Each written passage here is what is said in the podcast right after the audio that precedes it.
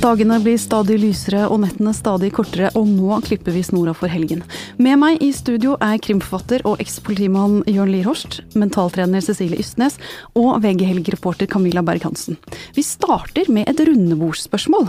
Da du var tenåring og prøvde å finne ut av alt det der med livet og kjærligheten og identiteten og meningen, skrev du da dagbok? Camilla? Jeg skrev dessverre litt dag... Begikk et lite stykke dagbok som jeg heldigvis har sensurert i ettertid ved å brenne hele greia. Nettopp. Så ja. fins det ikke for ettertiden? Nei, Nei. takk og lov. Eh, Cecilie?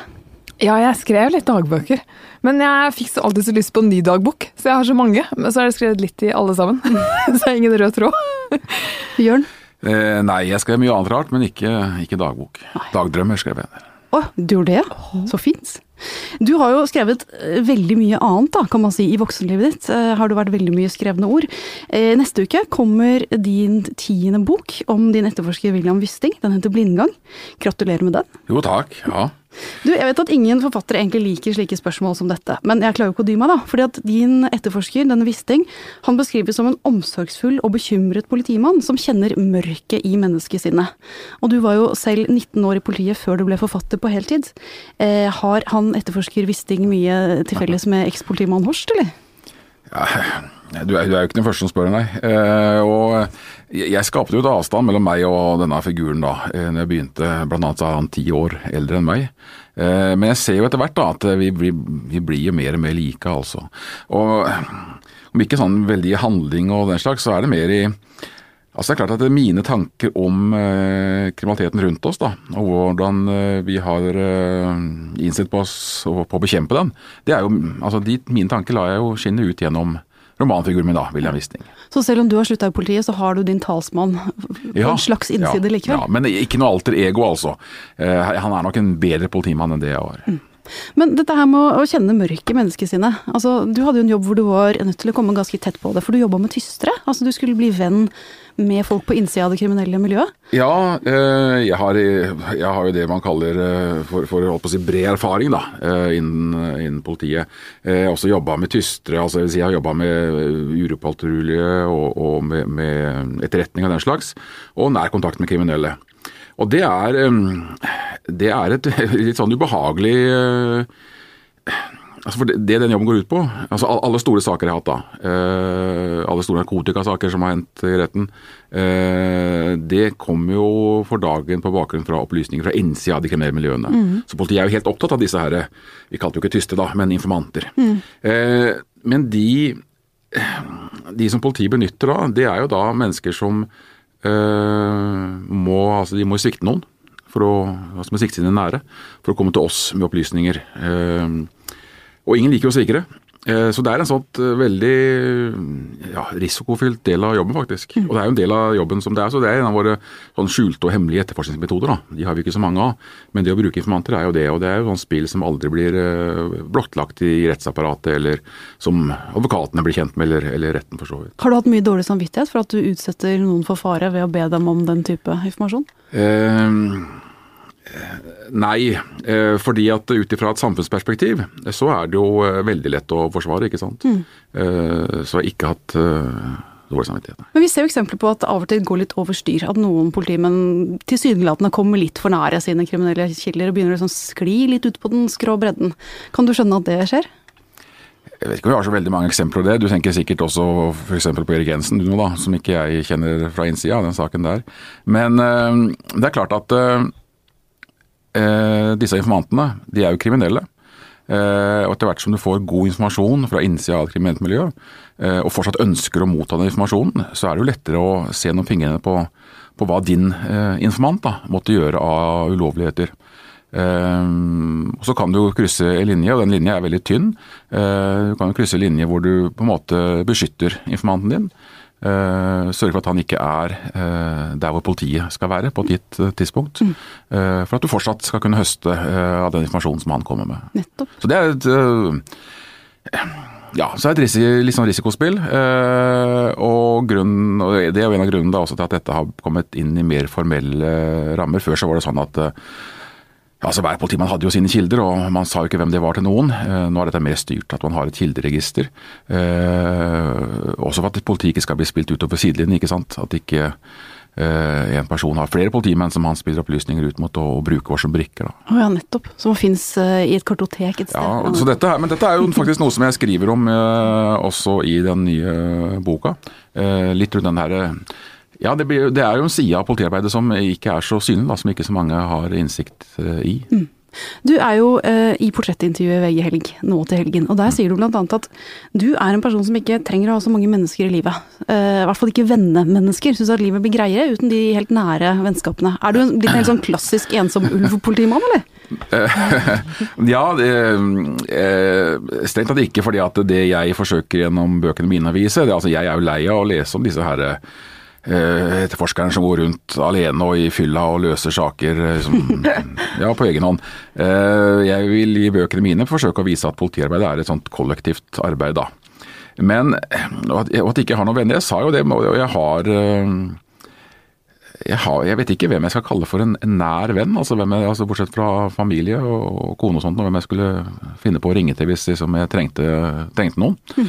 Men sånn har det blitt egentlig bare, og det er to, to grunner til det. og Det ene er jo at eh, når du, altså du vokser opp i et lite tettsted, og når du i en alder av 18-19-20 år flytter derfra, eh, så bryter du også båndet med alle de, altså de, alle de vennskapsbåndene som du har brukt hele ungdomstiden på å bygge opp.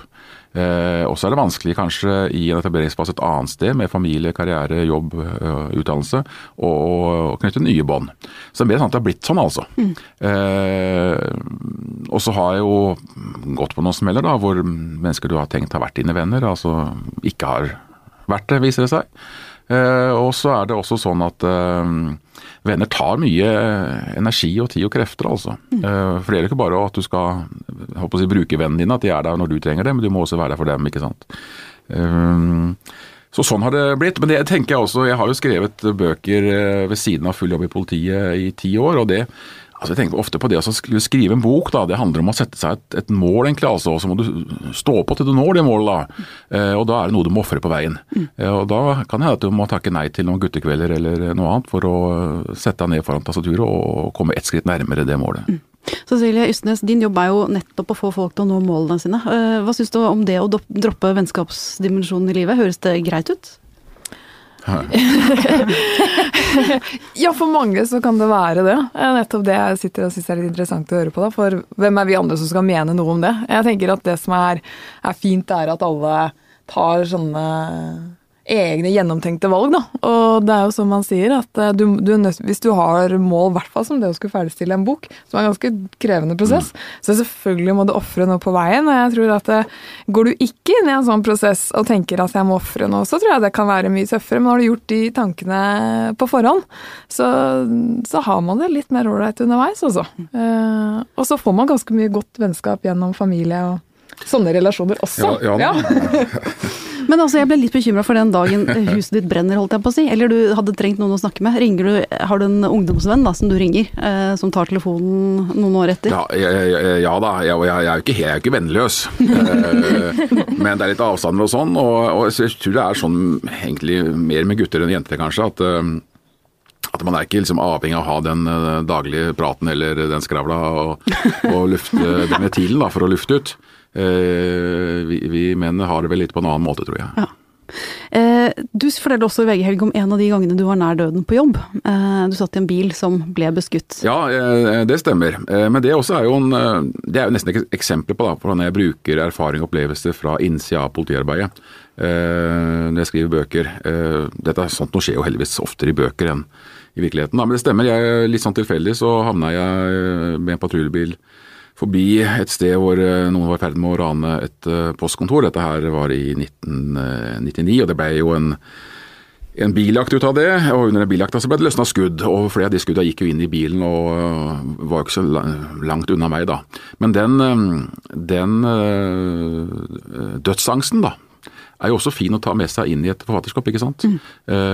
Du har kjent på den følelsen. Eh, Det er et eksempel på, på hva som er verdifullt for meg i, eh, som forfatter. Nå har du vært to år ute av politiet. Eh, hvordan er det å se på politiarbeidet som foregår i Norge utenfra? Altså Når mediene forteller om politiskandaler, etterforskning som tilsynelatende ikke er gjort ordentlig, sånn som Monica Saken i Bergen, blir du mest irritert på media som skriver om det, eller mest irritert på de politifolkene som ikke har gjort jobben sin? Jeg syns det er mer skandaler nå enn det har vært noen gang, eh, strengt tatt. Etter at du Eh, gikk ut? Ja.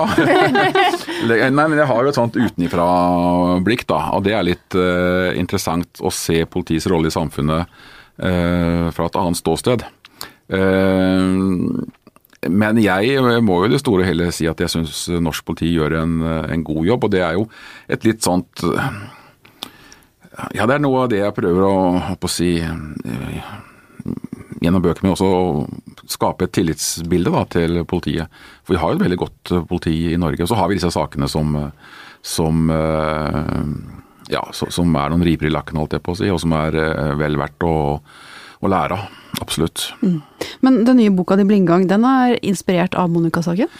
Nei, den er jo egentlig ikke det. Men, eh, men når Monica-saken dukka opp, så ble jo den tematikken jeg hadde valgt i boka, veldig aktuell. Mm. Blindgang er jo et politibegrep som handler om eh, eh, Altså alle saker, alle etterforskningssaker har jo en, en retning, da. Eh, etterforskerne velger å følge et spor eller gå i en retning. Eh, og en blindgang er da altså en retning på saken som, de, som politiet ikke ser. Eller som det i min bok som politiet ikke ønsker å se. Som de vil se bort ifra. Eh, og det ble jo veldig, plutselig veldig aktuelt når denne Monica-saken dukka opp. Det er jo nettopp det som har skjedd. Eh, en løsning, en mulig løsning som man ikke ville se. Så virkeligheten tok igjen boka du holdt på å skrive, rett og Ja. slett. Så fint. Vi skal eh, skifte retning her i Helgestart. Eh, Jeg har et nytt rundebordsspørsmål. Når du gjør noe feil, når du tråkker sånn skikkelig i salaten, gjør en generaltabbe, sier noe som blir helt gærent, bommer på mål på alle mulige måter, eh, tar du det da med et smil? Camilla? Å ja. Og prøver å le mest mulig. Du gjør det, ja? Ja, En setning som funker da er Oi, se på meg, nå står jeg her midt ute i, i salaten og, og drukner i Thousand Island. Hjelp meg opp. Bare si det høyt, så går det mye meget bedre. Jørn? Uh, uh, eh, nei, ja, men jeg har også et ord som jeg pleier å, og da pleier jeg å si om forlatelse. Det tar i grunnen brodden av det meste. Ja. Om forlatelse. Og det var litt vakrere òg, egentlig. Cecilie? Nei, da lærte jeg noe nytt. Det er vel kanskje det jeg eh, tenker, da. Det er det du tenker? Det er det. Mm. jeg må må walk the talk. Ja. Du er jo altså eh, ny spaltist i VG Helg og akkurat lansert boka Mental styrketrening. Eh, og så er du mentaltrener. Det er jo et litt sånn nytt yrke i norsk sammenheng. Eh, jobben din er å lære folk å bruke huet litt smartere. Kan, ja, på mange måter så er det jo det. Um, årsakene til at eh, mennesker kommer til meg for å få, få hjelp, kan jo være veldig ulik. Men eh, de ønsker jo å få mer access på den eh, mentale verktøykassa og teknikkene som kan hjelpe de å nå målene sine raskere, kanskje litt mer effektivt, og få en litt mer morsom reise. Eh, det er jo mye sånn konkurranseord forbundet med mentaltrening. Eh, mye sånn bli best og prestasjon og vinnerskaller osv. Eh, mener du som mentaltrener at alle bør være en form for vinnere? Godt spørsmål. Um, det er jo veldig vanlig tenker jeg, at de begrepene kommer opp siden mentaltrening er veldig mye henta fra idrettspsykologi.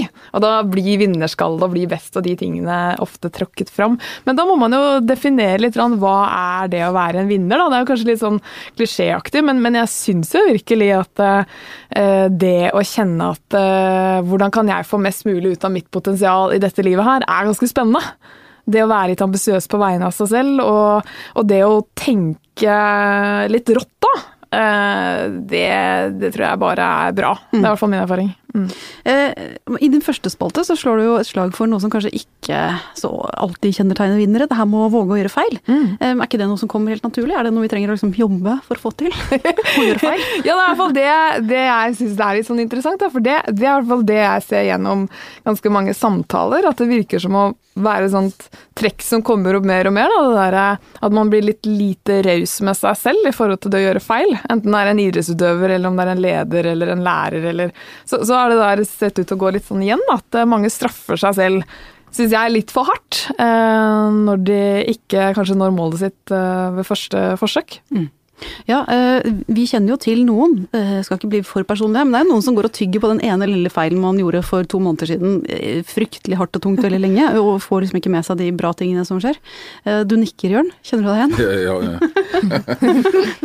Jo, men igjen så tror jeg kanskje det er mer kvinnegreie enn eh, menn. Menn har lettere for å bli ferdig med det, tror jeg. Uh, ikke gå så Verken skravle om det eller, eh, eller dvele lenge ved det. Syns du vi skravler på? Nei, nei, nei. nei da. Men du slår da slag for de gode feilene. Ja. Våg å gjøre gode feil. Hva er det som er en god feil, da? Ja, gode feil, det er når vi går inn all in. Vi er fokuserte, vi er konsentrerte, og vi gjør vårt beste. Eh, og jeg syns at eh, vi må bli bedre på å skille de feilene vi gjør da. For da, da, gjør vi ofte feil også, fordi vi strekker oss kanskje litt lenger. Vi går litt ut av komfortsonen vår. Eh, kanskje gjør vi ting som er litt vanskeligere. Og da er det helt vanlig at man ikke alltid treffer. Og det, det der er gode feil, så lenge du reflekterer og evaluerer deg godt. De dårlige feilene derimot, det er jo når vi virkelig slurver og vi går inn ufokusert. Det er jo feil vi ikke får så veldig mye ut av. Og jeg hørte på jeg lurer på om det var et intervju eller noe sånt med Anne Lindmo for en stund siden, som sa at eh, slurv på de uviktige tingene og gå all in på, på, de viktige tingene. Og der er det et ganske sånn viktig poeng. Mm. Må gjerne slurve på ting som eh, ikke har noe for seg, men, eh, men, hvis du tar med deg dårlig selvtillit ut av eh, feil du gjør når du er skikkelig på, det er veldig urettferdig mot en selv, syns mm. jeg. Vi har alltid tenkt at det er greit å gjøre feil hvis jeg vet at jeg ikke har gitt maks. For da har jeg en unnskyldning. Men det burde faktisk vært motsatt. Yes! Mm. Mm. Så jeg har en mental snuoperasjon foran meg i hodet mitt der, altså. ja, du får lese spalten. Men det her med å heie på seg selv når man virkelig tråkker i salaten, da. Som, altså når du står der, Camilla, med, med Thousand Island-dressingen opp til knes. Det å liksom gi deg selv en klopp på skulderen og se på hm, mulig læringsutbytte. Du skal være litt sånn Du skal være smart for å få til det. Ja. Det, det må starte i hvert fall med en holdningsendring, da. Hvor du tar, eh, bestemmer deg for at det er sånn jeg vil forholde meg til det å gjøre feil. Eh, men å være veldig bevisst på sin egen indre dialog i en sånn setting, det tror jeg det er en treningssak. Men det er der man må være skarp. da. I stedet for å straffe seg selv, så er det faktisk noe med å løfte seg selv. Hva sier man til seg selv da? Slapp av, jenta mi, det går bra? Ja, jeg tror i hvert fall veldig mye ligger i forhold til å si skjerp deg. Så er det heller mer enn det her er greit. Det, her, det må akseptere at nå har jeg gjort den feilen, men så kan jo den offensive løsningen komme deretter. Mm. Istedenfor først å slå seg sjøl i trynet, og så, så, skulle komme det offensive. Tror jeg må bare sitte med veldig høyt spenningsnivå. Okay. Ja. Eh, hva tror du man vinner da, hvis man blir en person som våger å være modig, og også tar de feilene som kommer i, i kjølvannet av kanskje overmotet? jeg er ganske sikker på at eh, med det så kommer raskere læring. Da blir du bedre på det du gjør. Så du vil, eh, du vil oppleve mer, du vil få mer erfaringer, og du vil ha det mer morsomt på reisen. Mm. Så en perfekt dag er en dag med et par gode feil, Harli?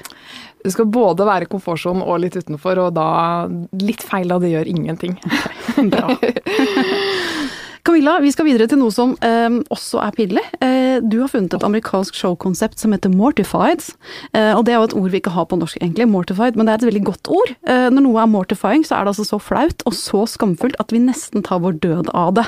Litt sånn laust oversagt. Eh, fortell hva det er du har funnet. Ja, det er et helt fantastisk konsept. Snubla over det inne på, på norsk Netflix, så det kan alle gjøre. Der ligger det en dokumentarfilm om dette. Nemlig at mennesker melder seg på til et sceneshow som består i at man går opp på scenen med sin gode, gamle dagbok fra da man var en ordentlig fjortis, eller noen skolestiler eller noe annet man skrev når man var i akkurat den verste alder, og leser det høyt for salen. Altså utleverer sin indre fjortis, sine tanker, for Gud og hvermannsen. Og ja, det er derfor det heter Mortified, for det, bare tanken er jo ganske grusom. Ja, Så alt du tenkte om kjærligheten og de store sammenhengene og om livet da du var 14, frem i lyset med det. Frem i lyset med det, og lese det høyt.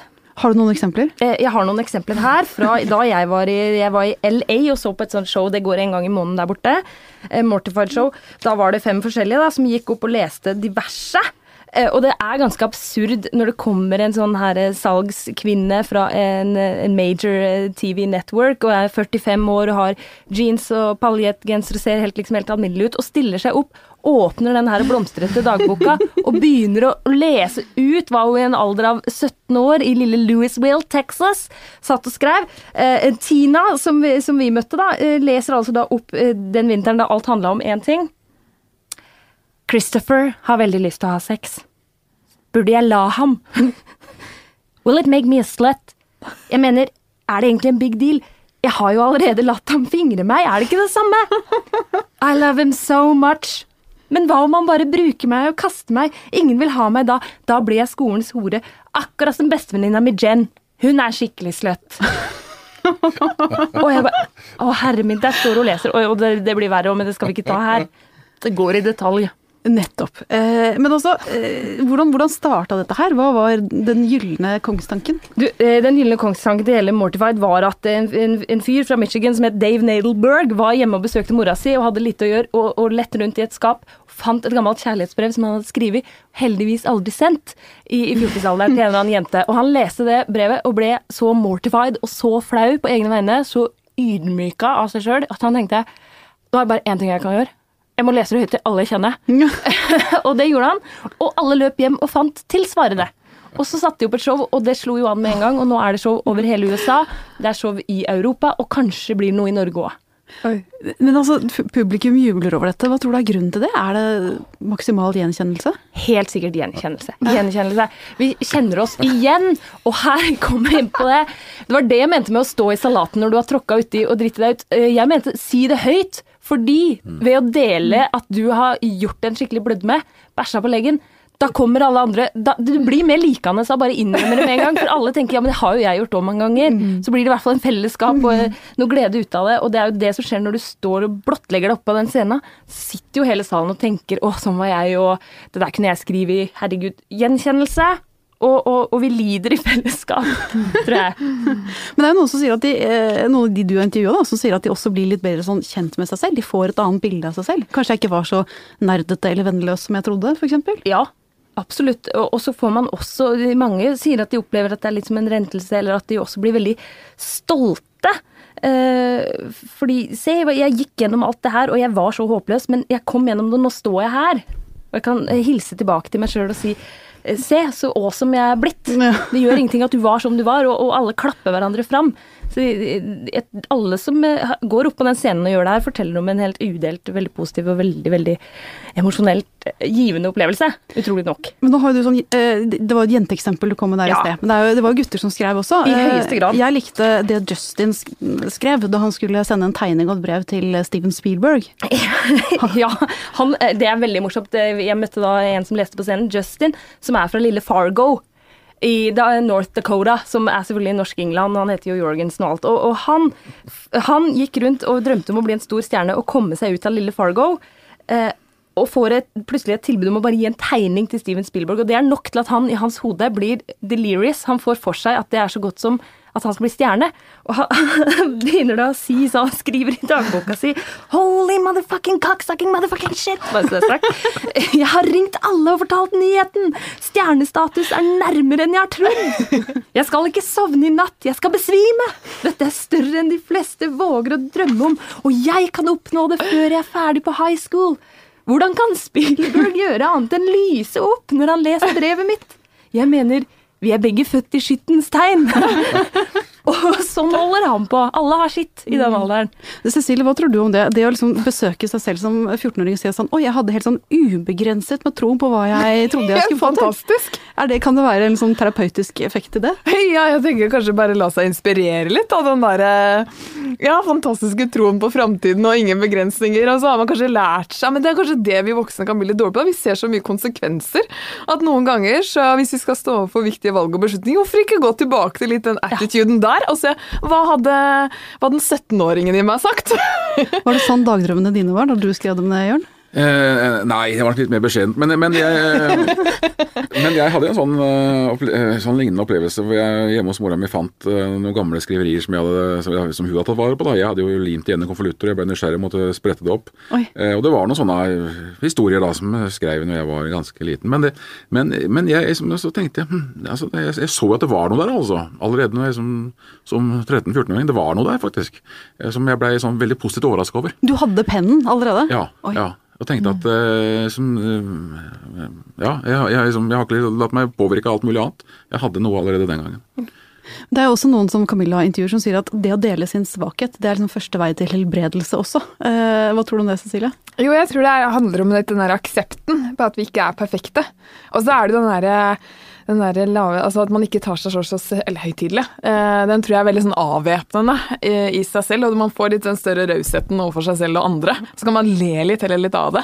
Ja, og eh. ingenting er morsommere enn å le dersom man var veldig selvhøytidelig, som man gjerne var i 17-årsalderen, hvor også flere leser opp, det må jeg bare si, gamle skolestiler. Og det er ingenting som de stilene hvor man er altså 17 år og moralsk, en moralsk pekefinger av et menneske som skal redde verden, og man kan alt, og man veit alt, og man lekser opp altså om, om barn i Afrika. Det er også fantastisk. Men har vi rett og slett et nytt sånn litteraturfestivalkonsept på gang her, da? Kjente mennesker leser høyt fra sine mest mortifying eh, eller oppsiktsvekkende gode skriverier, gjort mellom 14 og 17? Jeg hadde kommet. Jeg hadde vært der med bjeller på. Jeg gleder meg om jeg skal sitte i salen. Å, ja. Jeg var i ferd med å booke deg som første gjest. jeg, nå. Ok, greit. Um, det er altså helg. Uh, utover alt dette, altså det har vært spekket av gode tips til det meste her. Uh, hva skal man uh, gjøre i denne helgen, Camilla? Ja, jeg syns jo da at man skal gå og finne sine gamle skriverier. Og hvis man finner noe skikkelig gullegull, så syns jeg man skal sende det til meg. Kanskje jeg kan bruke det til noe i VG-helg. Det hadde vært veldig gøy. Og en veldig god idé. Veldig god idé. Jørn? Uh, jeg er litt for programforplikta til å si 'les en bok', jeg da. Ja. I helgen. ja. Det, det hørtes ikke så veldig pensjonert ut. Nei, men min kommer på mandag, så da Men eh, nei, les en bok. Les en bok. Mm. Cecilie? Da får jeg nesten si les min bok, da. Ja. Ja, ja. Da, Ja, men jeg skal i hvert fall gå og så finne Se om jeg finner Ja, dagbøkene mine. Ta det med bli- til meg. Du kan være med i saken. Det blir gøy. dette blir strålende. Eh, eh, takk til alle dere som var gjester i dag. Takk til Magne Antonsen, vår produsent. Vi høres igjen neste uke.